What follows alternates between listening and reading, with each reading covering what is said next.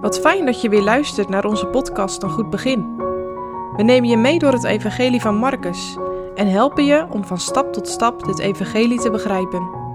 Vandaag met dominee Huisman. Vandaag lezen we Marcus 4, vers 26 tot en met 29, het zelf uitspruitende zaad. En hij, dat is Jezus, zeide Alzo is het koninkrijk Gods, gelijk of een mens het zaad in de aarde wierp. En voorts sliep en opstond, nacht en dag, en het zaad uitsproot en lang werd, dat hij zelf niet wist hoe. Want de aarde brengt vanzelf vrucht voort. Eerst het kruid, daarna de aar, daarna het volle koren in de aar. En als de vrucht zich voordoet, Terstond zendt hij de sikkel daarin, omdat de oogst daar is. Jullie zullen de uitdrukking vast wel kennen: niets gaat vanzelf. En wanneer je vandaag aan de slag gaat, dan zul je hard moeten werken om iets te bereiken. En als we denken aan het genadewerk van God in het hart van een zondaar, dan zullen we ook niet snel het woordje vanzelf gebruiken. Toch gebruikt Jezus in de gelijkenis van het zelf uitspruitende zaad wel het woord vanzelf. Want we lezen, want de aarde brengt vanzelf vrucht voort. Deze gelijkenis kunnen we dan ook eigenlijk niet loszien van de gelijkenis van de zaaier, de eerste twintig versen van Marcus 4. Bij de gelijkenis van de zaaier gaat het om de reactie van de hoorders. Maar bij de gelijkenis van het zelf uitspruitende zaad gaat het om het voortgaande werk van God. En het beeld wat Jezus gebruikt in deze gelijkenis komt uit de landbouw. Dat was voor de hoorders van toen een bekend beeld. Het koninkrijk Gods of Gods genadewerk wordt vergeleken met een zaaier die zaad in de aarde werpt. En als hij dat gedaan heeft, dan zal hij er zeker nog wat mest aan toevoegen. Maar ja, meer kan hij er niet aan doen. Hij kan het niet laten groeien. Hij zal dan ook moeten wachten tot het moment van oogsten. En tussen zaaien en oogsten moet de zaaier het aan de Heere overgeven. God moet de zon laten schijnen. God moet regen geven, zodat het gezaaide kan groeien.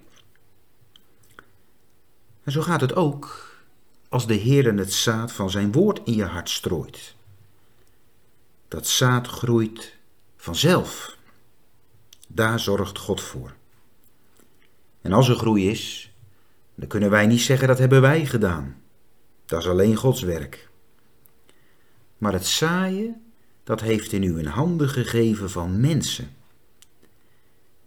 En dan denken wij vaak aan predikanten, aan zendingswerkers of evangelisten.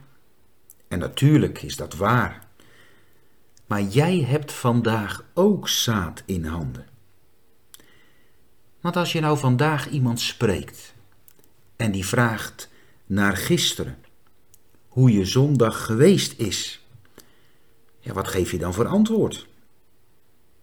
En juist in het antwoord wat je geeft, mag ook jij zaaien. Vertellen van de Heer en zijn woord. Hoe goed het is om de Heer te mogen dienen. Of misschien heb je al wel vele keren met iemand gesproken over de Heer en zijn dienst. Waarbij je ziet dat het de ander raakt. En je misschien wel eens gedacht hebt, zal de Heere de woorden die ik spreek nou willen gebruiken? Zal het tot bekering zijn? En eigenlijk ben je dan heel benieuwd. Dan zouden wij heel graag in het hart van die ander willen kijken wat daar nu gebeurt. Maar dan juist is het gedrag van de zaaier uit de gelijkenis voor ons tot voorbeeld. Want die zaaier gaat niet in de grond vroeten om te zien of het al groeit. Dan zou hij alles vernielen. Nee, hij heeft geduld. Want we lezen in vers 27 dat hij voortsliep en opstond, nacht en dag. En het zaad sproot uit en werd lang, dat hij zelf niet wist hoe. God zorgt voor de groei. Wij zijn zo vaak gericht op de vrucht en natuurlijk mag je daar naar uitzien. Maar het is vaak wel iets van de lange termijn. Misschien zul jij de vrucht bij die ander met wie je sprak wel nooit zien. Maar wat geeft dat? Als er maar vrucht is en bovenal als de Heer maar aan zijn eer komt. En soms denk je misschien wel eens, zou er wel vrucht zijn? De andere keer denk je, zou er ooit wel vrucht komen? Maar God rekent met zijn tijd en niet met onze tijd. Paulus schrijft in 1 Korinthe 3 vers 7, zo is dan nog hij die plant iets, nog hij die nat maakt, maar God die de wasdom, God die de groei geeft. En ook in onze moeilijke tijd laat God het zaad van zijn woord nog steeds strooien. En hij geeft ook vrucht. Het ligt alles in zijn hand. Wat een troost. Is dat voor jou ook zo'n troost? Maar blijf dan maar zaaien, ook op de plaatsen waar de Heer je brengt. Maar hoe is het eigenlijk met jezelf? Hoe vaak is het zaad van het woord al in jouw hart gestrooid? En wat heeft het uitgewerkt in je hart? Zijn er al vruchten van oprecht geloof en waarachtige bekering?